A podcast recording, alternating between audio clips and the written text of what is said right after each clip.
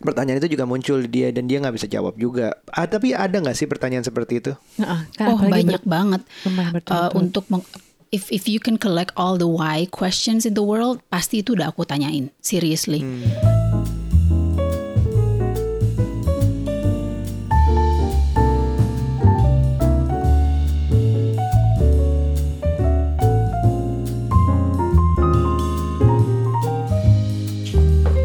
Bapak, Hai Ibu. apa kabar? Ya baik, Um, surviving selalu ditanya surviving. Kenapa? Karena Oke. ya keadaan lagi begini lah ya. Oke, nah aku sendiri juga ya dibilang baik ya baik-baik. Cuman kalau ngelihat pemberitaan media sosial itu WhatsApp grup gitu, wah rasanya tuh kayak Hmm. Iya. terbawa awan hitam Iya, saat tapi ini. nggak bisa juga ya dijauhin kayak kita jauh-jauh dari media sosial. Aku lagi kayak, tapi beritanya dari situ. Kita bikin keputusan tuh per hari dari situ gitu. Angka tiba-tiba naik, ada Iya. peraturan baru untuk uh, PPKM, PSBB apa segala macam itu. Jadi kita harus tahu gitu. Kita harus bertindak setiap hari. Ya, tapi ya, ya. bawanya negativity juga gitu, grieving malah Grieving. kadang-kadang. Nah, tapi kamu juga sadar gak sih, Bab? Sebenarnya eh, cepet banget arus informasi akhir-akhir ini. Pertama nih, yang paling banyak di media sosial dan WhatsApp grup aku adalah pertama orang-orang yang mencari dar- darah, donor Mm-mm, darah donor. buat yang eh, kena COVID gitu Karena ya, buat untuk keluarganya. menyembuhkannya ya. Ya, kedua. Eh, yang paling banyak lagi adalah yang tiba-tiba positif, bukan tiba-tiba sih, cuman yang menyatakan hasil dirinya positif. Iya. Itu tuh kayak secepat itu. Iya betul. Terus ketiga kalimat innalillahi itu tuh beredar setiap hari pasti ada. Itu bukan Betul. cuman yang di circle ketiga kita tapi udah masuk ke circle Udah someone we know. Ah, ah, udah orang-orang yang kita Benar, kenal gitu kan. benar, Jadi benar. benar-benar di circle dekat gitu sama Iya. kita. Jadi secepat itu di akhir-akhir ini padahal sebenarnya bukan cuman karena Covid tapi ada penyakit-penyakit lain yang Benar. memang yang jadinya kritis dan lain-lain gitu loh. Iya. Jadi kalau teman-teman juga kita boleh share, kita juga banyak teman, banyak ada ada saudara yang kena, ada karyawan atau orang Iya. kantor yang kena, ada teman yang kena. Bener-bener bukan cuma kayak satu atau enggak. Ya, mungkin dulu awal-awal pandemi ini temannya si temen gitu yang kena Iya, gitu. Tapi sekarang udah udah real banget. siap. Makanya itu eh, kayak negatif vibe-nya tuh neken gitu dari Ah, mana-mana. ya. Iya, iya, iya. Dan udah gitu kemarin teman-teman nih kalau misalnya udah pernah dengar juga eh, podcast 30 Days of Lunch yang episode Aryo Runa bersama dengan Mas Reza Gunawan itu ngomongin soal seni berduka. Iya. Wah, itu sih kayak ngena banget deh Betul. buat semua level ya, semua orang baik yang sudah pernah ditinggalkan gitu Iya. ya atau yang saat ini baru saja ditinggalkan atau yang belum pernah ditinggalkan aja kayaknya berasa gitu loh. Kayaknya gue harus Iya. siap-siap gitu, entah gimana lah gitu. Dan kita pernah bahas juga sebenarnya eh, soal grieving itu di Ah. beberapa episode lalu soal Iya, buku ya. berdasarkan buku Griefworks. Yes, Ah. betul. Nah, untuk itu di episode kali ini kita mengundang teman lama kita nih yang Hai. punya cerita seputar grieving. Iya. Kita sapa dulu. Hai Mbak Nira. Hai Nucha dan Aryo, senang banget deh diajak ke sini. Terima kasih ya. Iya. Aduh, sama-sama Mbak kita yang senang banget kita nih lebih dapat. pengen diajak ketemu langsung sebenarnya tapi kayaknya Iya. kita Banget, harus banget. ngobrol secara online dulu demi keadaan yang lebih kondusif. Um, Yes. Tapi kita dari online ini kita masih pengen banyak banget. Aku yakin bisa belajar dari Mbak Nira gitu. Yes, yes. Mungkin Mbak Nira juga bisa memperkenalkan diri dulu. Jadi Mbak Nira, Mbak Nira Syada Rusman, seorang ibu, dua orang anak, dan juga grief survivor. Kalau dilihat Instagramnya grief survivor. Nah ini Iya. mungkin boleh diceritain juga Mbak kesibukannya ngapain aja sekarang. Terus ada apa dengan grief survivor ini? Um, aku yes itu penyebutan grief survivor itu sebenarnya ngarang-ngarang sendiri aja. Nggak tahu apakah itu ada yang pernah menggunakan itu tapi um, aku menggunakan itu memang untuk um, mengundang orang-orang untuk tahu kalau misalnya kita punya masalah dengan grief itu pasti nggak akan cuma selesai setelah sebulan satu tahun lima tahun enggak kita akan berjalan itu berjalan sepanjang kita masih hidup gitu. Jadi Oke. ya I'm a survivor gitu.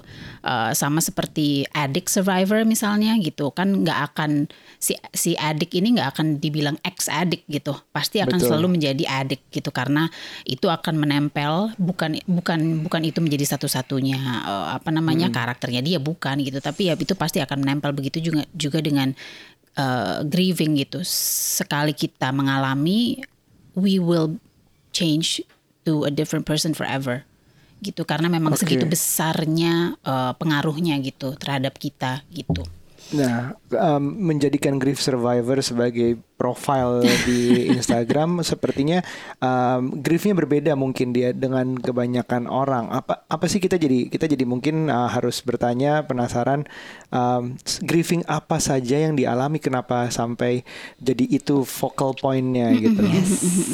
Boleh di-share. Um, uh, jadi aku mengalami keada uh, mengalami pengalaman berduka itu cukup panjang dan uh, berturut-turut. Ya dibilang berturut-turut juga enggak sih, tapi uh, selama tujuh tahun dari tahun 2000 del, uh, tuh kan 2007, 2009, 2013 dan 2014 aku kehilangan adikku, uh, ayahku, uh, abangku dan ibuku gitu. Aku bertiga wow. bersaudara ya. Jadi uh, apa namanya all my siblings. Jadi udah nggak ada lagi. Yes, are now with uh, God gitu. Jadi um, dalam kurun waktu tujuh tahun aku kehilangan mereka semua gitu. Jadi memang wow. pengalaman berduka aku itu sangat-sangat panjang dan uh, bisa sembuh ya mudah-mudahan aku sudah sembuh ya tapi maksudnya I'm still uh, processing sometimes gitu kadang mm -hmm. juga masih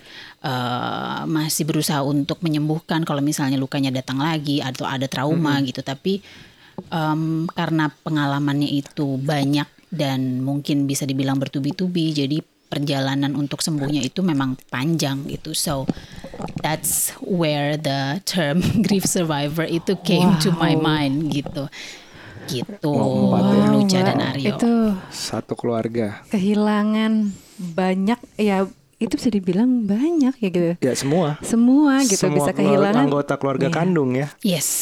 Wow. That's true. Wow. I'm we're very sorry to hear that. Thank you. Uh, tapi um, ini mungkin teman-teman yang mendengar juga di awal kita sempat bertanya secara offline ke Mbak Nira, apakah ada yang bisa ada yang terbatas untuk di share ataukah kita um, ada yang nggak boleh nggak? Tapi mm-hmm. Mbak Nira tuh jawabannya tuh um, mudah-mudahan sekarang sudah di tahap yang bisa share semuanya selama ada gunanya buat orang banyak yes, gitu. Yes. Berarti um, ya boleh dibilang apakah ini sudah tahap uh, dalam tanda kutip atau sembuh itu atau sudah grievingnya sudah selesai atau bagaimana mbak? Uh, nah ini menarik aku juga sebenarnya ukurannya juga nggak paham cuman kemarin kan dengerin podcast 30 Days of Lunch tuh yang sama Reza hmm. Gunawan, yang sama yeah. Aryo juga dan sama Runa. Uh, di situ kan Mas Reza bilang tuh, uh, uh, kalau nggak salah Aryo deh yang tanya, batasan yeah. sembuh itu gimana sih taunya kalau udah iya, sembuh yeah, atau? Uh -uh. Dan di situ kan Mas Reza bilang ketika kita sudah bisa bicarain itu dan kita nggak apa-apa, maksudnya kita kita hmm. justru mau ngomongin yeah. itu, kita nggak menghindari yeah. topik itu. Memang bersedih itu nggak apa-apa, kadang-kadang kita kan kangen gitu. Betul. Nah, aku alhamdulillah sudah sampai di tahap itu. Tapi there were ah. times and and and dan itu panjang sekali. Aku bener-bener nggak mau ngomongin, mendingan nggak usah. Kita ngomongin yang lain aja itu ada dan itu bertahun-tahun. Itu bertahun-tahun karena uh, aku kehilangan adikku 2007 because of hmm. uh, apa namanya AIDS, HIV positif. Um, dan pada saat itu 2007 ya uh, edukasi tentang mental health dan lain-lain kan nggak hmm. seperti sekarang. Jadi betul. Kita sekeluarga tuh clueless. We didn't know how to handle uh, right. grief gitu. We didn't know how to handle um, sadness. Uh, kita benar-benar melakukan apa yang mungkin umumnya orang-orang timur lakukan gitu yaitu tidak membicarakannya. Oh, ya, okay. ah. tidak membicarakannya. Jadi kalau misalnya ada satu yang mulai nangis sedih, mungkin salah satu dari kita pasti ada yang bilang udah nggak usah diomongin gitu. Kayak jangan jangan bersedih-sedih gitu jangan berpikir negatif gitu. Kita mikir ke depan positif dan lain-lain. Ya pada saat hmm. itu yang kita pikir terbaik adalah itu. Jadi itu yang kita lakukan. Dan karena itu adalah kehilangan pertamaku itu menjadi semacam uh, apa namanya uh, caraku untuk melewati kehilangan berikutnya berikutnya berikutnya jadi kehilangan oh. yang berikutnya aku pun seperti itu yang berikutnya seperti itu jadi benar-benar tidak pernah ah. memproses kehilangan dengan semestinya gitu jadi uh, sampai okay. akhirnya bisa di sini tuh perjalanannya luar biasa dan aku butuh uh, apa namanya pertolongan profesional juga akhirnya gitu Nucha dan Aryo.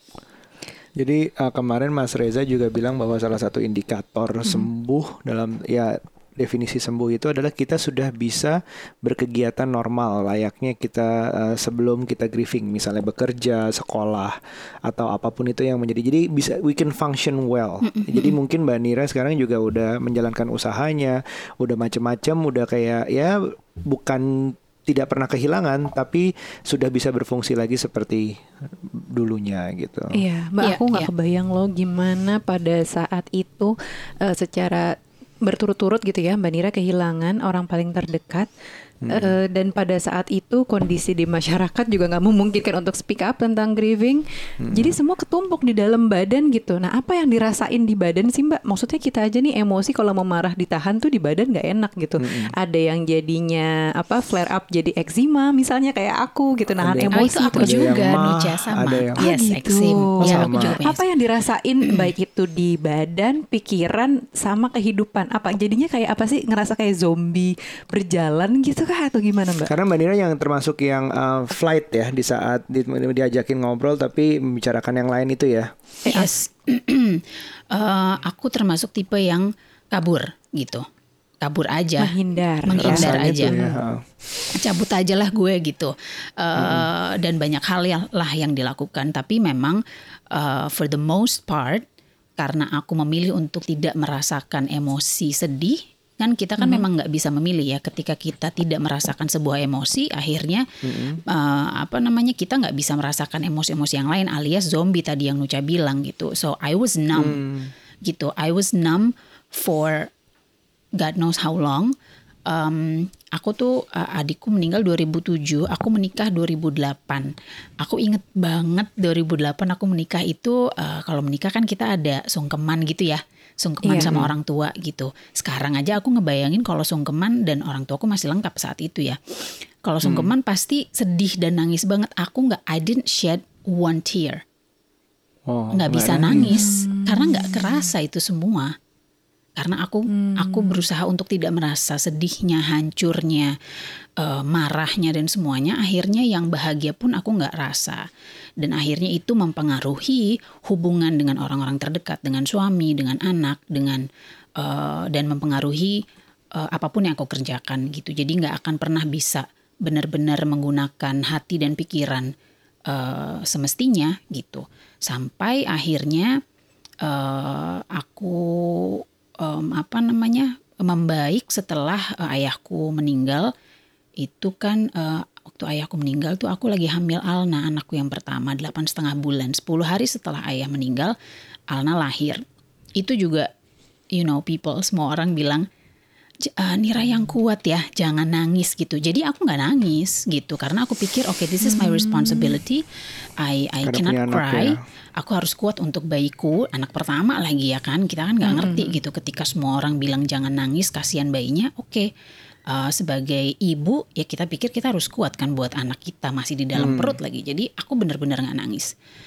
Eh, enam bulan setelah ayahku meninggal, eh, terus kita waktu itu masih tinggal di Bandung. Eh, waktu itu terus aku kembali ke Jakarta, aku mau ke makam. Aku inget banget di makam itu setengah jam aku nangis tidak bisa berhenti. Jadi kayak keran bocor selama ini tuh ditahan gitu.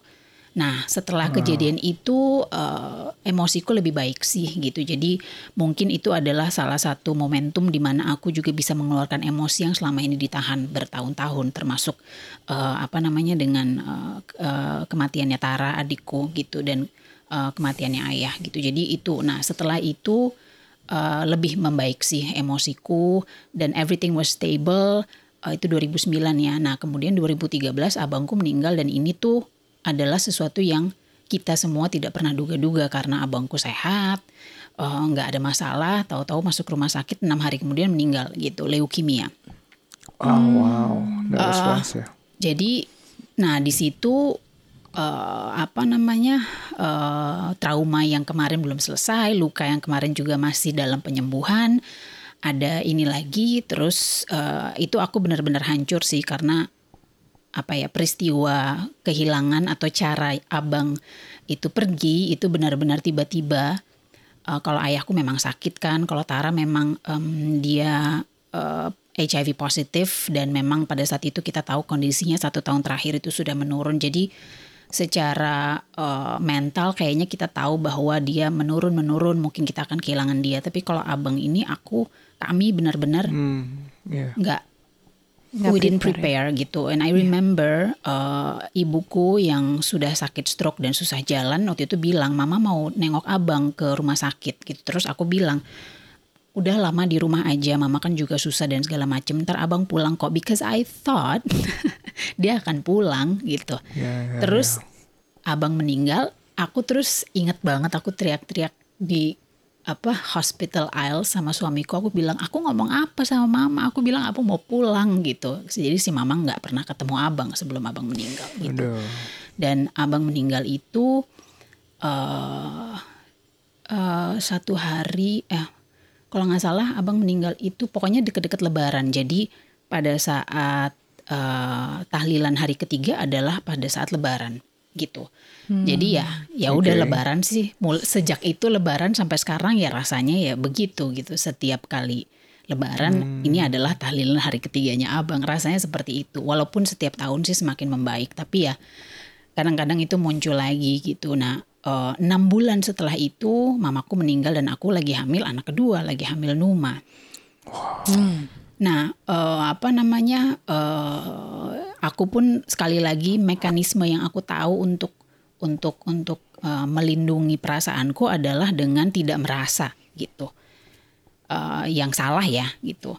Jadi udah pokoknya dipendem aja rasanya terus lagi hamil fokus sama hamil terus mana anaknya sungsang lagi jadi harus sesar dan segala macem gitu Eh, akhirnya aku eh, pada saat setelah melahirkan itu aku sempat mengalami eh, baby blues walaupun bukan pergi ke psikolog dan kemudian didiagnosa ya tapi em, dari yang aku baca-baca I'm almost sure ini pasti gitu karena eh apa eh, kalau mau mau ada beberapa box itu banyak yang ketik lah gitu kayaknya this is that gitu. Dan eh, bertahun-tahun setelah itu aku pergi ke psikolog baru memang eh, psikolog bilang ya memang itu pada saat itu kamu lagi baby blues gitu. Jadi em, ini tuh benar-benar membuktikan bahwa kalau misalnya kita nggak regulate our emotions yang benar gitu ya itulah gitu mengganggunya benar-benar ke mana-mana sampai akhirnya aku punya baby blues eh, sampai akhirnya eh, mungkin tiga tahun atau dua tahun pertama setelah aku melahirkan anak kedua aku si Numa itu eh aku gampang marah, jadi emosinya tuh tidak terkontrol lah, gampang marah, gampang nangis, Eh naik turunnya tuh, wah pokoknya sampai sekarang pun, sampai hari ini pun, kalau aku punya kesempatan, aku masih bisa masih bilang sama anak-anak maaf ya dulu, mama begini sama kakak, dulu mama begini sama sama Numa gitu, cuman aku menjelaskan secara utuh kenapa itu terjadi dengan bahasa anak-anak dan dengan kemampuan yang bisa mereka terima gitu kenapa itu terjadi dan apa yang aku lakukan untuk bisa membuat itu tidak terjadi lagi gitu mereka sih paham untungnya ya gitu Wow. Aduh.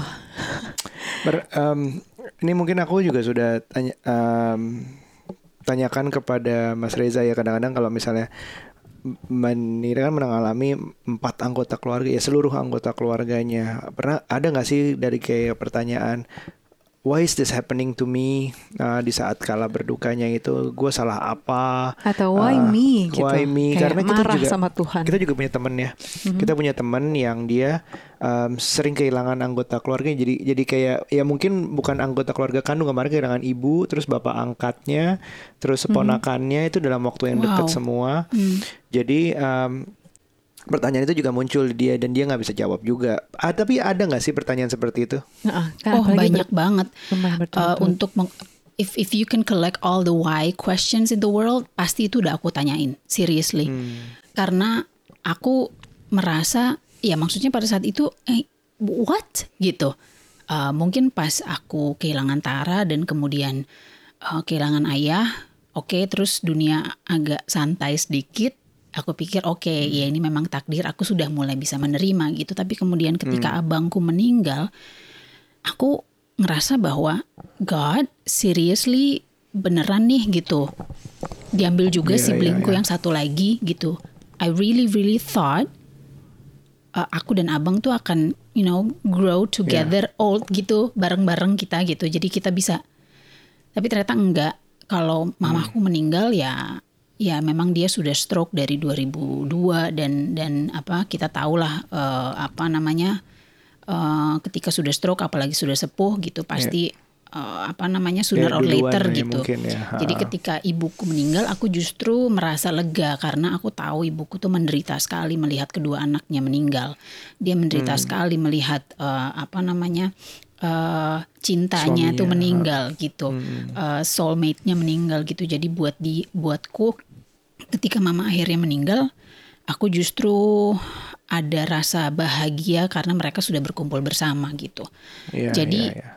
to your questions, yes, why-nya tuh banyak sekali dan aku sempat marah sih sama Tuhan. As much as I hate to admit this, tapi aku beneran marah walaupun aku tidak berpaling dari dia gitu.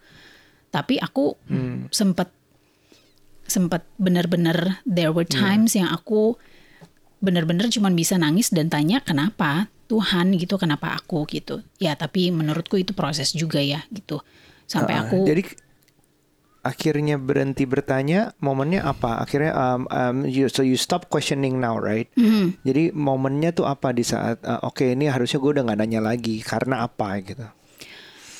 Um, uh, mau dibilang momentum sih nggak ada sih yo. Gitu momentum okay. sih nggak ada gitu tapi uh, pada saat itu aku memilih untuk um, ya sudahlah aku sibukkan saja diriku dengan apa yang bisa aku lakukan gitu. Jadi hmm. kalau Aryo ingat, Nucha ingat aku dulu pernah punya uh, bisnis makanan sehat sama Debbie kan yes. gitu. Hmm. Jadi aku fokus ke situ. Uh, apa namanya? Uh, karena anggota keluargaku ini meninggal karena sakit jadi aku fokus oke okay, kalau gitu aku pengen sehat aku pengen keluargaku sehat aku pengen bantu orang-orang untuk sehat supaya mereka tidak mengalami apa yang aku alami gitu. Jadi aku fokus ke situ aku alihkan energi marah ini ke situ. Jadi pada okay. saat itu seperti itu. Walaupun looking back, I know itu juga adalah cara mengalihkan juga, bukan benar-benar menerima dan yes dan menyelesaikan gitu. Um, lalu uh, bisnis berjalan lancar, baik, dan kemudian uh, seperti yang kita tahu, bisnis sendiri itu kan capeknya setengah mati ya kita ngurus semuanya sendiri hmm. gitu. Jadi burnout. Nah pada saat burnout itu aku benar-benar mental breakdown gitu. Jadi leading kayak months leading up uh, to burnout. Jadi uh, banyak teman-teman sahabatku yang mulai bukan komplain sih tapi mereka satu-satu bilang nih kayaknya hmm, lo udah mulai butuh professional help deh gitu jadi um, oh. si fluktuasi emosi ini tuh bener-bener naik turun banget. Aku senggol bacok gitu, gampang marah, gampang apa bukan cuman ke immediate family yang di deket di di di rumah ya ke suami dan anak-anak, tapi udah mulai ke teman kerja, udah mulai ke ke mana-mana gitu. Sehingga teman-temanku, sahabat-sahabatku bilang kayaknya something is happening and you need professional help gitu. Mas, masih tetap nggak mau denger dong gitu sampai okay. akhirnya uh, I experience mild uh, mild depression. Aku breakdown, aku nggak bisa berfungsi selama dua minggu. Aku nangis, denger apa pun nangis gitu. Jadi benar-benar kayak bukan cuman keran bocor, ini sih udah kayak uh, air gunung tumpah gitu. Jadi benar-benar nggak bisa kontrol si emosi itu. Uh, ada orang telepon nanya, Nir, uh, like, apa kabar? Jawabannya tuh sam sambil baik tapi nangis gitu. Sorry ya gue nangis ya, gue juga nggak ngerti nih kenapa gue nangis. Nangis gitu. Ada apa? Nangis for two weeks. Nah itu kayaknya udah bukan sekedar tanda lagi ya gitu. Iya ya benar yeah, nih gue yeah. harus cari professional help and I did. Aku oh, okay. coba beberapa ke, pergi ke beberapa psikolog, lalu uh, ada beberapa terapi yang kulakukan gitu hmm. dan uh, things uh, were better dari situ sih gitu ceritanya. Oke, nah Mbak Nira sebenarnya kan kita uh, mau membahas, mulai membahas soal grieving akhir-akhir ini karena kita tuh pengen menormalisasi hal-hal yang yang tadinya tuh ya tabu lah gitu. Mm-hmm. Kita pengen ini menjadi normal bahwa kita hadapin dan mungkin mengubah stigma yang tadi kayak Mbak Nira juga hadapin ketika lagi grieving ya udah lo lo tahan jangan nangis gitu atau lo alihin aja ke yang lain gitu. Jadi sehingga grievingnya nggak selesai. Nah tapi di sini tuh e, mulai dari podcast kita beberapa waktu lalu, terus aku juga sampai buku baca grief works mm-hmm. gitu ya karena aku pengen tahu rasanya orang kehilangan circle terdekat tuh rasanya kayak apa gitu dan sampai kita buat podcast ini ini aku tuh pengen ngajak uh, orang-orang yang mungkin belum merasa kehilangan gitu mungkin ada yang ngerasa enggak gue fine fine aja mungkin ada gitu ya biar tahu bahwa rasanya orang kehilangan uh, mau itu teman kita mau itu saudara kita gitu ya itu tuh ada perasaan luka yang sangat mendalam gitu. Rasa sedihnya tuh bisa mendalam. Nah, ini kan Mbak Nira udah berkali-kali nih melewati masa tersebut, fase tersebut. Nah, Mbak Nira, sebenarnya apa sih yang uh, dibutuhkan pada masa-masa itu, termasuk dengan ucapan-ucapan yang sebenarnya lebih menenangkan hati dan mana yang justru tidak pengen didengar gitu? Biar kita nih juga tahu bagaimana menghadapi teman-teman atau keluarga yang lagi kehilangan atau mungkin diri kita sendiri lah gitu. Kira-kira apa Mbak? Um, yes, it's a very good question karena banyak yang uh, apa namanya banyak yang clueless bahkan aku pun yang sudah mengalami berkali-kali ini pun juga kadang suka salah ucap. Nah, perlu dipahami dulu kenapa sih kita suka salah ucap karena ini kan topik yang tidak nyaman gitu. Jadi kita yang bingung mau apa ya gitu. Ya udah deh pokoknya kita ngomong yang enak-enak aja dan itu sebenarnya itu kan intensinya kan nggak jelek ya gitu. Intensinya tuh selalu baik gitu, niatnya tuh baik gitu. Jadi uh, apa namanya sebenarnya kalau dilihat dari sisi itu nggak ada yang salah juga sih yang diucapkan tapi kalau misalnya memang uh, boleh memilih mungkin bukan apa yang diucapkan tapi lebih apa yang dilakukan kali ya Nucha dan ya, Aryo yeah, yeah, gitu yeah. jadi lebih kepada misalnya emang pengen bantu ya udah bantu aja tanpa perlu nanya gue bisa bantu apa? Ya udah just do it ah. gitu. Misalnya memang pengen datang tapi ya mungkin kalau pandemi ini susah ya gitu. Cuman kalau dulu kan ya udah mendingan datang aja ke ke ke rumah uh, si orang yang kehilangan ini kita temenin dia. Mau lo mau apa hari ini? gitu. Mau mau jalan-jalan yuk gue temenin atau mau apa? Atau lo mau cuma di rumah doang nangis atau mau apa? Pokoknya I'm here gitu. No apa let them know that they're not alone gitu. Karena yang paling nggak enak adalah dari grieving tuh kita ngerasa kita sendirian.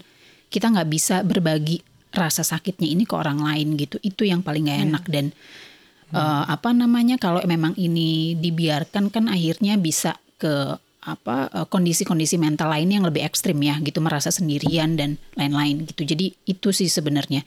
Uh, just be there temenin aja dan lakuin apa yang kita bisa misalnya uh, yang paling gampang adalah biasanya di hari pertama, kedua, ketiga kan kirim makanan gitu, know that you're yeah. atau ingetin kirim makanan selain selain eh, kirim makanan uh, sambil ngingetin gitu, nih jangan lupa makan ya gitu. Perhatian-perhatian yang seperti itu sih biasanya yang kita butuhin karena memang kita benar-benar kadang-kadang suka lupa untuk makan hal-hal yang yeah. simple kayak lo udah makan belum, lo udah tidur belum gitu. Kadang kan ya kayak gitu. Yeah. Jadi kadang-kadang yes Oh sorry silakan. Enggak enggak enggak deh. Oh, jadi kadang-kadang aku juga kalau misalnya ada yang temen atau yang aku kenal grieving tuh kayak ini ngomongnya takut banget aku salah gitu. Maksudnya as in um, nyuruh dia kuat loh. Eh, siapa gue? Gue kayak um, gue kayak kuat aja kalau jalaninnya hal kayak gitu nggak akan bisa sama juga keadaannya. Mau suruh mau nanya. Tapi kadang-kadang aku end up justru jadi itu. Let me know if there's anything that I can do. Karena aku nggak berani gitu. Aku kan misalnya kenalnya nggak kenal-kenal banget.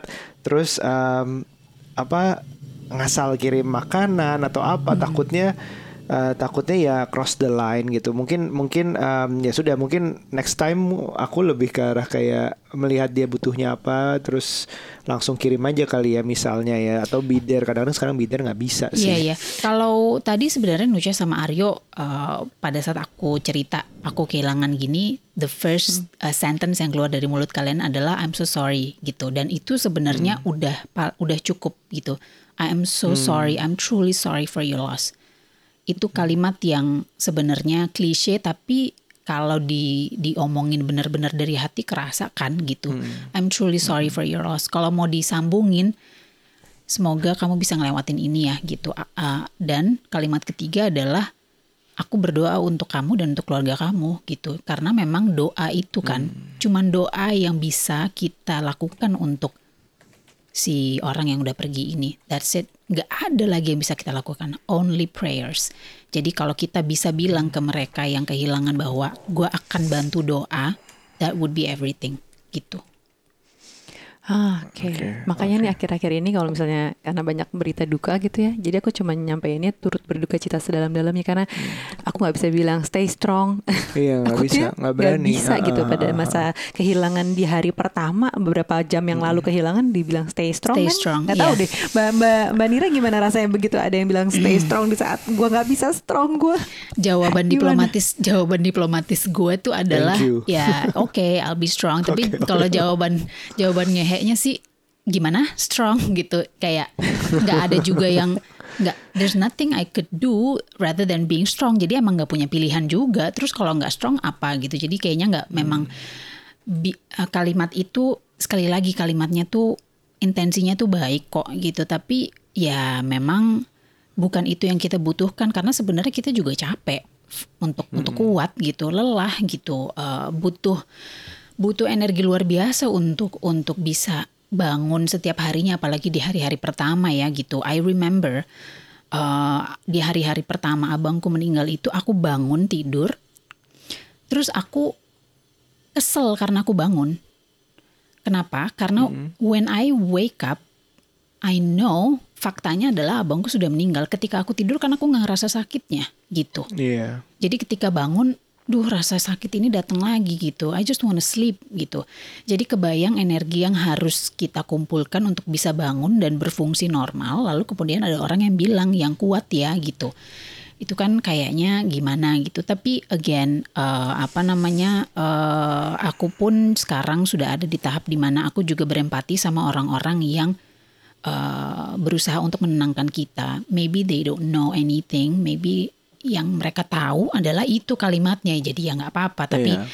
um, kalau misalnya memang memang apa namanya memang ada kalimat pamungkas atau ada kalimat terbaik mm. yaitu I'm, I'm so sorry for your loss aku bantu doa itu aja cuman dua itu yang paling cukup menurutku. Hmm. Oke, okay.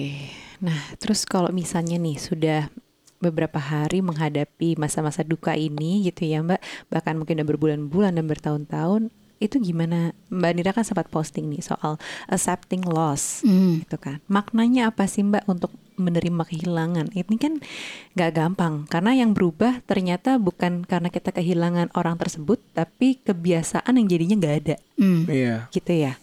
Nah ini maknanya apa buat Mbak Nira? Itu tadi uh, kalau di kami para grief survivor tuh bahasanya secondary loss. Jadi kalau primary hmm. lossnya tuh kan adalah kita kehilangan di momen itu gitu. We okay. lost this person forever gitu. Tapi yang yang jarang dibicarakan adalah secondary loss. All the moment that uh, yang sebenarnya mungkin kita bisa alami tapi kita nggak akan pernah alami lagi karena orang itu sudah nggak ada gitu. Itu juga dan, hilang ya. Yes, itu juga hilang dan itu sebenarnya yang berat karena itu adalah yang kita jalani uh, sehari-hari. Hmm. Balik ke pertanyaan Nuca, uh, accepting apa sih? Buatku tuh ujung-ujungnya sih akhirnya ini sekali lagi terdengar sangat klise tapi mungkin karena aku memang sudah ada di tahap ini bahwa memang semua ini rencana Tuhan gitu dan kita juga ya kita nggak bisa apa-apa selain berserah kepada rencananya dan kita tahu bahwa waktu kita di sini ini waktu kita di dunia ini memang kita nggak akan pernah tahu sampai kapan. Jadi ya kita lakukan apa pun yang terbaik yang kita bisa lakukan di hidup kita. It sounds cliche I know gitu. Tapi um, buatku akhirnya semuanya ke situ sih gitu. Akhirnya semuanya ke situ. But again it take me forever to be here panjang sekali perjalanannya gitu. Ya, kalau kita bilang um, ini rencananya Tuhan, um, aku cuma berusaha memikirkan gimana untuk yang mempersiapkan misalnya harus kehilangan. Kalau ini rencananya Tuhan kan, like you said, it's cliche. Tapi dari awal kan dari lahir kita juga tahu Tuhan punya yang namanya takdir, yang namanya um, itu semua sudah ada waktunya kita semua gitu. Tapi kenapa ya? Um, gimana caranya kita kalau kita udah tahu itu, tapi di saat kejadian tetap berat gitu? apa di saat kejadian kita bisa harus balik ke situ lagi terus udah segitu gampangnya kan juga agak susah seperti yes, itu. Yes, yes, Well, nggak akan pernah mudah sih untuk menerima kehilangan hmm. ya, pasti berat. Uh, tapi memang kalau kita sudah prepare uh, akan lebih apa ya? akan lebih mungkin prosesnya sama, uh, sorry, step-stepnya sama, tapi prosesnya lebih cepat gitu. Hmm. Uh, step-step yang aku alami mungkin sama dengan step-step teman-teman lain atau mungkin ya berbeda sedikit tapi apa uh, durasinya tuh panjang sekali untuk di aku. Nah, ketika kita sudah prepare mungkin stepnya sama tapi uh, durasinya lebih pendek sehingga kita bisa lebih cepat untuk sembuh gitu sih. Nah, hmm. uh, apa sih yang harus kita persiapkan kalau di aku yang paling utama adalah uh, edukasi tentang kematian gitu. Jadi aku senang banget tuh Nucha kemarin uh, di di di podcast uh, curhat babu tuh ngebahas review buku tentang uh, grieving dan kematian padahal padahal Nucha belum pernah ngalamin gitu artinya kan memang hmm. uh, Nucha benar-benar berusaha untuk mempersiapkan gitu. Nah itu sebenarnya hmm. yang harusnya dilakukan gitu. Aku mencoba untuk melakukan itu ke anak-anakku. Dari sekarang aku edukasi mereka soal kematian. Uh, apa namanya bahwa ya bahwa itu memang salah satu siklus manusia di dunia ini gitu. Pasti akan melewati itu gitu. Dan aku juga mempersiapkan uh, mentalnya mereka. Aku bilang ke anakku yang kecil kalau mama meninggal mama nggak benar-benar hilang gitu yang yang mati hanya badannya uh, apa namanya my soul will always be here aku kasih aku pegang uh, ininya ya dadanya gitu I, I will always be here inside of you gitu. Jadi kalau Numa nanti kangen, Numa pegang dada, Numa, Mama ada di situ gitu. Ya ini bahasa anak-anak lah ya gitu. Hmm. Jadi aku uh, apa namanya berusaha untuk mengedukasi anak-anak terutama uh, supaya mereka siap gitu untuk pada saat yeah. ini terjadi dan juga hmm, persiapan lain yang mungkin bisa kita lakukan adalah ya hal-hal teknis ya kayak mau dimakamkan di mana kayak gitu-gitu mungkin orang tua kita juga sudah melakukannya ya gitu uh, mama hmm. nanti mau dimakamin di sini di sebelahnya ayah segala macam itu hal-hal yang uh, biasanya kita lakukan kalau kita udah sepuh nih. Nah, mungkin kita bisa lakukan dari yeah. kita muda hmm. aja gitu karena we never know juga kan kapan itu akan terjadi. Edukasi ya. Mm -mm. Gitu. Jadi kalau um, ya ini bagus sih maksudnya um, kita mulai merasakan um, pentingnya sex education misalnya ke anak di anak makin kecil ya ada yeah. umurnya lebih baik lebih cepat lebih baik yes. tapi death education tuh juga perlu karena di, di beberapa di masyarakat kita masih kayak ah udah kok ngomonginnya gituan sih jadi sedih nih gitu loh yes. kalau kita mau justru berusaha menghindar tadi justru tuh. menghindar misalnya ngomongin wasiat mm-hmm. warisan mm -hmm. atau ngomongin kubur kubur di mana kubur seperti apa mm -hmm. um, kalau aku sama Nucha pernah bilang bahwa pokoknya aku nggak mau diiringin ya gitu nggak hmm. mau kayak nggak mau kayak ada motor-motor iring-iringan hmm. terus ganggu jalan orang lain jalan. kita ketemu di kuburan aja udah gitu yes, itu yes. cuma hal sederhana yang hmm. kita bisa bicarain untuk meringankan tapi kita juga bicarain uh, asuransi hmm. uh, harta itu ada apa aja itu juga penting untuk kita sebagai pasangan jadi itu mungkin bisa dimulai justru lebih early lagi ya ke anak-anak dengan menjelaskan apa itu kematian Betul. bahkan um, ada yang belajar tentang kematian anak-anak tuh berguna misalnya mempunyai uh, binatang piaraan belajar yeah. ke, belajar kematian dari situ dari kehilangan kucing anjing atau apa pun itu yeah, yeah. aku tuh ingetnya gini tadi gara-gara mbak Nira hmm. menceritakan soal gimana menjelaskan uh, soal kematian ke Numa hmm. aku tadi berkaca-kaca loh karena aku relate nih beberapa hari lalu tuh Aira kan sempat nanya kita yeah. lagi cerita nih soal yeah. kasus corona yang semakin parah dan banyak banget nih yang meninggal kak nah, jadi kita selalu bilangin ke kita Aira. selalu bilangin kita setiap hari update malah ke Aira biar dia tuh sebenarnya biar nggak soalnya dia suka minta keluar rumah gitu loh mbak Nira ayo ibu kapan masa aku di rumah aja? Bosen lah namanya anak liburan ya. Terus tapi kita berusaha firmangering sih ya iya, tapi ya tapi kita kasih aja. tahu faktanya kak hari ini yang meninggal banyak kak. Berapa ratus kasusnya naik loh kak. Om ini udah kena corona. Terus kita cerita lah teman-teman kita yang pada kena gitu kan. Terus dia nanya uh, kalau bapak ibu meninggal nanti aku gimana gitu. Hmm. Aku agak dek gitu. Wah, aku belum prepare nih untuk menjawab pertanyaan ini gitu. Hmm. Jadi di situ aku cuman kayak aduh gue jawab apa ya. Jadi eh, Oke uh, oke, okay, okay. jadi gue harus sok cool dulu. Ya aku terus bilang tenang aja nanti Tuhan selalu jaga Aira kok. Allah itu kan ada liatin Aira gitu. Nanti Aira Aira pasti bisa tanpa ibu gitu Tapi habis itu aku baru habis itu baru di balik layarnya kenapa aku ngomong gitu ya? Jadi aduh gue gak prepare untuk menjawab itu gitu Tapi ternyata pas Mbak Nira cerita Oh iya juga ya aku bisa menjelaskannya seperti itu gitu sih Kita belum prepare untuk itu Iya, Iya, iya, iya. bisa sih emang harus menjelaskan seperti itu udah benar sih.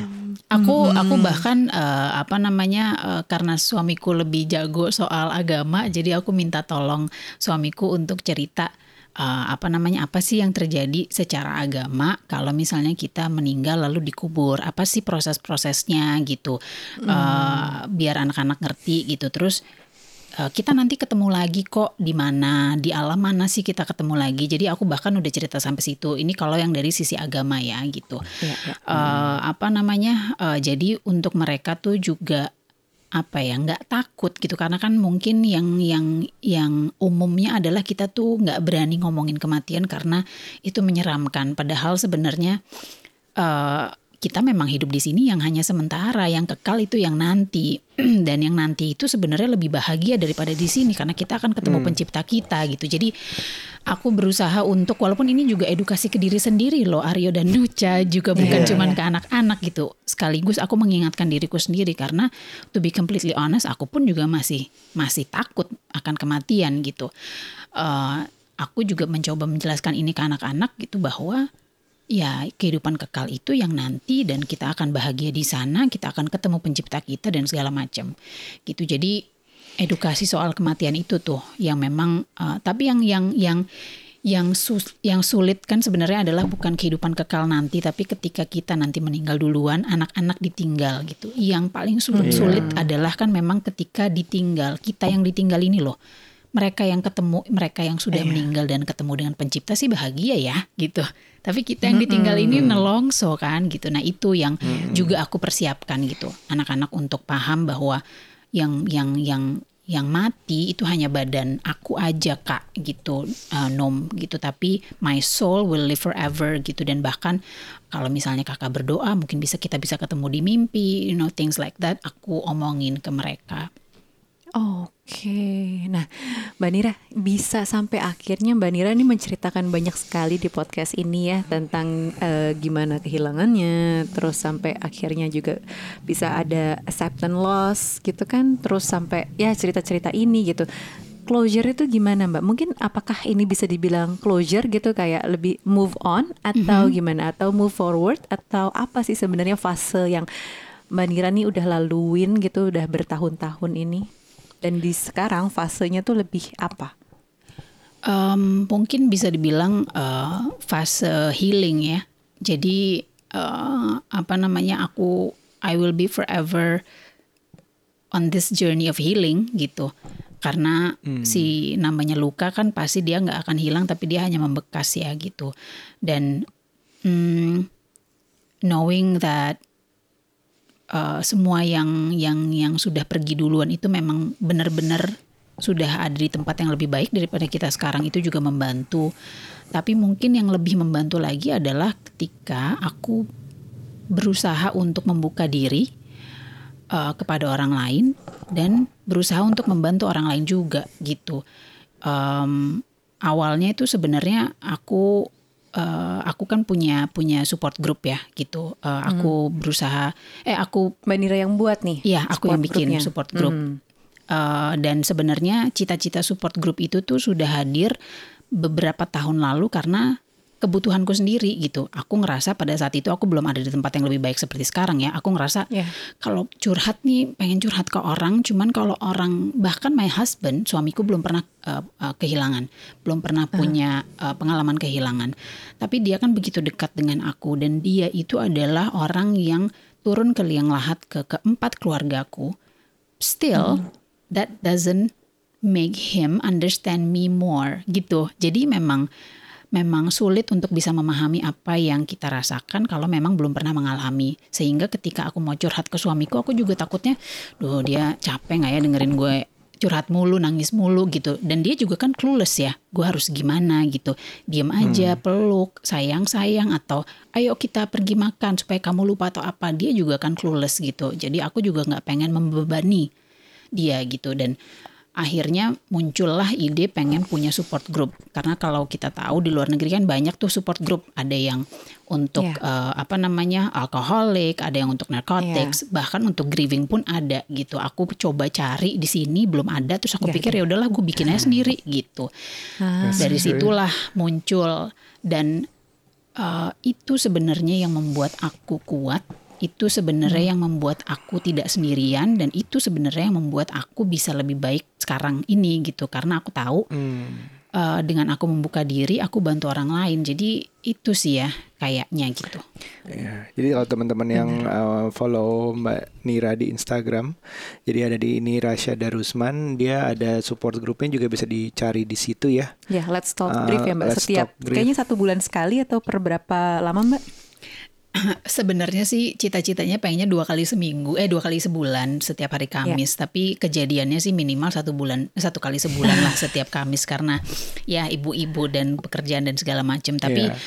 em, aku sudah melakukannya sejak Desember 2020 jadi semalam tuh baru tuh eh, kita baru ketemu lagi. Itu pertemuan kita yang ketujuh. Eh, Alhamdulillah so far eh, tanggapannya tuh luar biasa ada beberapa yang juga yang udah langganan gitu jadi bolak-balik datang gitu. Eh, kita eh, ketemu meet up tuh lewat zoom aja dan aku bilang ke teman-teman bahwa eh, nggak nggak ada pressure untuk ngomong ya gitu. Kalau mau datang doang dengerin bahkan nggak usah buka kamera nggak apa-apa. Pokoknya just Iya. be here. If you are ready to talk and share your story let me know terus kita ngobrol gitu. Ada ada eh, satu orang yang dari pertemuan pertama sampai sekarang selalu datang tapi tidak pernah buka kamera kamera dan nggak pernah ngomong. Itu ada. Jadi emang cuma Oh, datang wow. aja. Itu ada. Ada juga Karena dia yang pengen pengen punya temen aja Yes. ya. Nah, yang tadi kan the feeling of being alone itu yang mungkin lebih Betul. berat di saat ditinggalkan. Betul betul dan uh, ternyata yang bikin aku kuat dan bikin aku lebih menerima dan ini ini ternyata memang takdirku dan ini jalanku adalah setiap kali abis support group itu ya banyak yang DM dan you know say thank, saying thank you banyak yang merasa padahal mereka juga nggak ngapa-ngapain cuma dengerin aja gitu jadi uh, mungkin di situ aku merasa bahwa ya memang apa ya mungkin tadi closure tadi ya gitu bahwa ya it's okay gitu untuk mengalami apa yang Iya. aku alami nggak apa-apa karena eh, ternyata ini berguna untuk orang lain kok gitu. Luar Oke, biasa. Jadi mungkin uh, kalau aku simpulkan mungkin yang semua yang semoga aku benar ya semua yang terjadi ini Mhm. Mungkin tuju ada tujuannya sendiri yaitu uh, Mbak Nira ngebantu lebih banyak orang lagi Mhm. berguna buat banyak orang lagi Ya, bukan betul. bukan minta kejadian tapi kayaknya dari kejadian yang udah ada sudah bisa go through it Mhm. um, sudah entah apa pun bahasanya closure uh, move on tapi tadi pilihan bahasa adalah masih healing um, itu ada gunanya buat orang banyak lain. Jadi teman-teman yang di sini yang mendengarkan dalam keadaan heal, eh, dalam keadaan grieving atau dalam keadaan tidak, mungkin bisa mempersiapkan dirinya juga um, dengan follow Mbak Nira dan mungkin yang heal, yang lagi grieving bisa ikut Let's sup- talk brief. support grupnya. Yes, Mbak terakhir dong mau nanya nih Mbak. Yes. Apa sih learnings yang didapat gitu ya dari eh, beberapa kali kehilangan? Eh, karena aku dengar nih dari yang eh, dari interviewnya BCL di YouTube, aku nonton gitu ya. Dia cuman ada satu sebenarnya learnings yang dia dapat yaitu eh, kita nggak pernah tahu kapan waktu eh, kapan waktu ditinggalkan sehingga cintai orang itu bener bener bener dicintai pada masanya gitu jadi dalam artian lo mumpung masih ada ayo lo pokoknya share your love banget gitu ke pasangan ke pasangannya eh, pokoknya jangan menunda-nunda gitu jangan bilang gengsi bilang sayang dan menunjukkannya karena kita nggak pernah tahu kapan orang itu diambil gitu. Jadi dari situ tuh aku momen kok oh iya juga ya gitu. Selama ini tuh ada perasaan ya udah deh bilang sayangnya besok aja gitu. Misalnya gitu ya ke Mana pasangan. aku udah lama gak denger. Coba. Cuman ada gitu momen kayak ah ya udah deh pokoknya nganggep enteng gitu semuanya gitu. Memang tapi ternyata bener kita nggak pernah tahu kapan kita ditinggalkan pasangan kita orang tua kita gitu anak kita kita nggak pernah tahu. Nah kalau dari mbak Nira sendiri nih ini kan dari segala lini nih ditinggalkannya dari adik kakak eh, orang tua gitu kan. Ini kan berarti segala lini ya. Apa sih learnings yang bisa di share supaya teman-teman juga bisa memaknai eh, sebelum orang itu tuh nggak ada gitu? Em, yang pertama sih ya memang benar uh, kita harus kita harus apa ya uh, live our life the best gitu. Mhm. Um, termasuk kita benar-benar mencintai, kita benar-benar being present, mindful terhadap semua apa pun yang kita lakukan. Uh, aku tuh orangnya tuh tukang planning, jadi ada di sini, tapi kepalanya ada di besok atau di seminggu ke depan gitu. Tapi Ya, ya, ya. pelan-pelan itu tuh berubah gitu bahwa ya udah nikmatin saja di sini gitu. Karena memang momen ini akan hilang, nanti ada lagi momen lagi. Jadi benar-benar being present. Uh, yang kedua mungkin pesanku untuk teman-teman yang kehilangan gitu. Um, regret atau perasaan menyesal itu pasti ada. Jadi when it comes to grieving, rasa regret itu tuh satu paket. Nggak mungkin itu nggak ada tuh. Jadi jangan banyak salahkan diri sendiri. Coba aku kemarin gini, coba aku bawa ke rumah sakit ini, coba aku nggak ini. Itu pasti akan selalu ada. Mau bagaimanapun cara kehilangannya, mau kehilangannya itu orangnya udah sakit 10 tahun, mau kehilangannya orangnya ditabrak mobil, mau kehilangannya apa pun, we will always have regret kita yang ditinggalkan. Jadi eh, jangan merasa bersalah banget sama diri sendiri ketika regret itu datang karena itu pasti ada. It comes with it. It comes with grieving. It comes with losing the people that you love. Gitu. Ya. Eh, mungkin itu kali ya yang paling apa ya karena aku paling sering dengar orang aku tuh nyesel sekarang aku lagi ada di tahap what if begini what if begitu ya memang itu proses yang harus dilewatin tapi jangan terlalu keras sama diri sendiri karena memang itu pasti akan ada gitu Ya. itu kali ya Oke, noted Mbak. Ya mungkin itu termasuk tipsnya ya untuk teman-temannya yang lagi mau grieving ya. Ya ya ya, being present sama regrets tuh pasti ada. Jadi jangan terlalu apa namanya hard on yourself gitu ya. Benar. Menerima. Benar.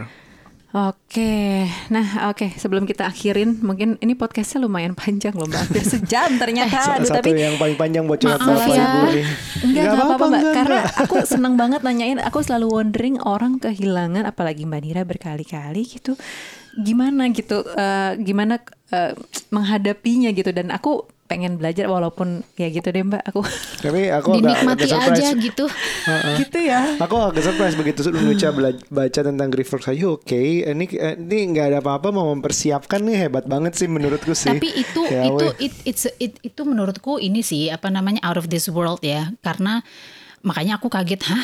Si Nucha baca buku ini karena waktu inget nggak sih Nuch waktu kamu baca Iya. kan aku kan ini kan aku Posting ya. bilang kan Komen eh, kan? aku Heeh. komen kan gitu ini salah satu buku grief yang aku baca di awal-awal gitu one of the first book that I read gitu aku sebenarnya mau nanya gitu why are you reading gitu apakah lagi kehilangan gitu cuman sekali lagi sungkan takut dan gimana gimana ternyata emang Enggak. cuman out of curiosity dan itu sebenarnya sesuatu yang jarang terjadi loh kita pengen tahu jadi ya I Nah. salute you loh Nucha karena Justru biasanya aku- takut gitu takut ya.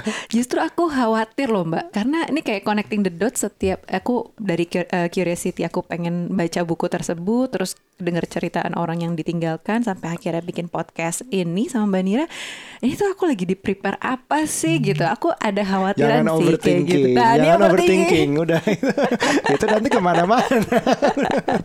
no, I, I think I think it's good that you need you want to learn about new things. Bas- Basically, um, curiosity kan pasti ada kan. Kayak anak kecil dari anak kecil kan yang kita bunuh. Kalau kita bunuh anak kecil kan kita bunuh. Oh curiosity jangan sampai dibunuh gitu loh. Maksudnya uh, dia nanya sesuatu kita orang tua suka males, suka ja- males Nggak mau jawab, lah, jawab. nggak mau jawab lah segala macam. Dan uh, Nucha ini Nah, masih ada curiosity-nya seperti itu ya udah go through it jalanin aja lah arahnya ke mana bukan berarti it's a sign of something Yeah. ya mudah-mudahan sih nggak we never know because itu kan semua kata Mbak Nira juga udah ada jalannya Iya iya gitu. iya, Mbak terakhir deh terakhir mulu nih aku Iya nanyanya. nih, nambah mulu. Aduh, eh apa-apa penasaran dong soalnya. yes yes mau mungkin minta tipsnya menghadapi untuk teman-teman yang menghadapi kehilangan Hmm. karena sekarang nih banyak banget kehilangan gitu ya ada nggak mbak ada ada mungkin tips atau iya eh, wejangan dari mbak Nira buat Wejangan. teman-teman semua. Eh,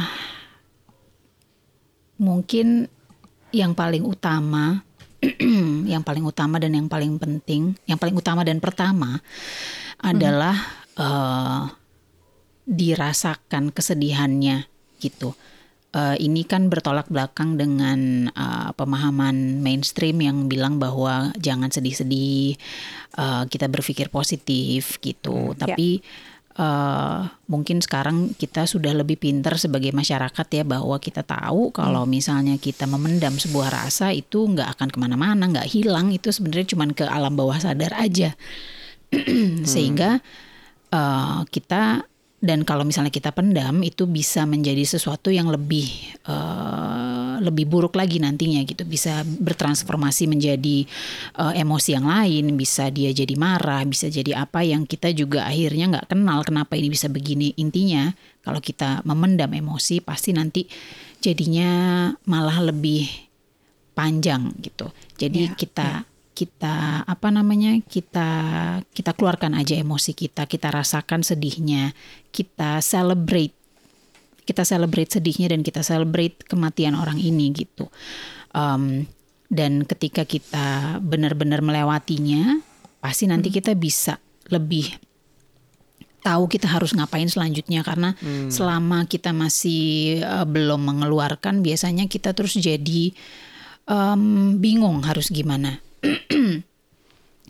um, uh, itu yang pertama ya. Terus yang kedua, kalau misalnya memang tipe orangnya bukan yang ekspresif bisa nangis, mungkin ada ya. uh, media lain, misalnya journaling gitu. Kita mau curhat lewat oh, nulis ada. gitu. Writing therapy ya. Mm-mm, gitu. Uh, kita mau curhat lewat nulis, kita uh, keluarkan apa yang selama ini kita nggak bisa keluarkan karena orangnya udah nggak ada kan. Ada ada hal-hal yang mau kita sampaikan tapi belum bisa gitu. Kita bisa keluarkan lewat journaling atau any kind of art gitu. Mungkin ada orang yang nggak nulis atau mungkin uh, ada orang yang nggak suka nulis tapi pengen bikin voice note gitu, bikin mau biasanya bisa nelpon tapi terus sekarang cuma bisa ngomong gitu aku kangen sama kamu maaf ya gini-gini iya, iya. segala macam atau apa itu very therapeutic gitu kalau aku sih hmm. memang orangnya senang nulis ya gitu uh, lalu kemudian uh, yang terakhir adalah um, ini sebenarnya masih berhubungan dengan uh, yang pertama tadi gitu yang uh, hmm. mengeluarkan emosi um, kadang kita terjebak dalam uh, miskonsepsi bahwa ketika kalau misalnya kita nangis tuh kita lemah gitu. Artinya kita masih bersedih, oh, artinya iya, iya. kita belum bisa menerima, artinya kita uh, apa ya menghambat kepergian jiwa tersebut atau apa gitu. Sebenarnya enggak, itu kan bagian dari uh, kita membersihkan emosi kan gitu. Jadi uh, buat teman-teman kalau misalnya emang mau nangis nangis aja, nggak apa-apa kok gitu. Ini iya, bukan yeah, hal yang negatif, ini justru membantu kita uh, sembuh gitu. Iya itu itu um, ada beberapa hal yang kayak apa waktu kecil di, anak laki-laki nggak boleh nangis nangis tuh lemah mhm. Betul. mungkin itu terbangun sampai gede yang penyebabnya terus kedua juga uh, uh, ada yang pernah bilang jangan dinangisin dong yang meninggal nanti jadi berat gitu itu kan juga um, berat buat kita justru kalau kita nggak dilarang untuk nangisin gitu itu ya. yang mungkin yang lebih benar yes yes betul jadi betul ya ya ya ya, ya. Oke, kalau gitu. Jadi banyak banget nih pelajaran dari Mbak Nira ya dari soal cerita grievingnya, terus apa yang sebenarnya dibutuhkan oleh uh, teman keluarga yang ditinggalkan gitu mm -hmm. ya, dan sebenarnya apa yang sebaiknya tadi tidak dilakukan dan gimana caranya kita menormalisasi grieving atau rasa duka ini ya, sampai akhirnya dengar cerita Mbak Nira juga soal closure-nya atau move on atau move forward-nya ini seperti apa dan terakhir tadi tips buat teman-teman yang mengalami kehilangan gitu ya. Setidaknya teman-teman udah dengerin ini kurang lebih hampir satu jam gitu ya. Jadi mm -hmm uh, ya biar bisa tahu actionnya setelah ini apa mungkin buat yang ditinggalkan dan buat yang belum merasakan jadinya notes dan kira-kira suatu saat kalau sampai terjadi oh inilah mungkin podcast yang bisa didengar ulang gitu. Iya. Oke kalau gitu terima kasih, terima kasih ya. banyak Thank Mbak Nira untuk ceritanya. Mudah-mudahan membantu teman-teman semua di sana. Amin, pasti yes. membantu. Jangan okay. lupa ya untuk follow Mbak Nira di uh, Instagram nanti kita taruh di kolom description dan juga kalau teman-teman juga memang mencari circle untuk teman ngobrol yang sama-sama punya pengalaman kehilangan, boleh langsung ikutan juga nih. Let's Talk Grief ya di Instagramnya Mbak Nira atau DM aja Mbak Niranya gitu ya Mbak ya. Yes, yes, thank you. Oke. Oke, Oke, Terima teman-teman, terima kasih telah mendengarkan. Sampai ketemu di episode berikutnya. Bye.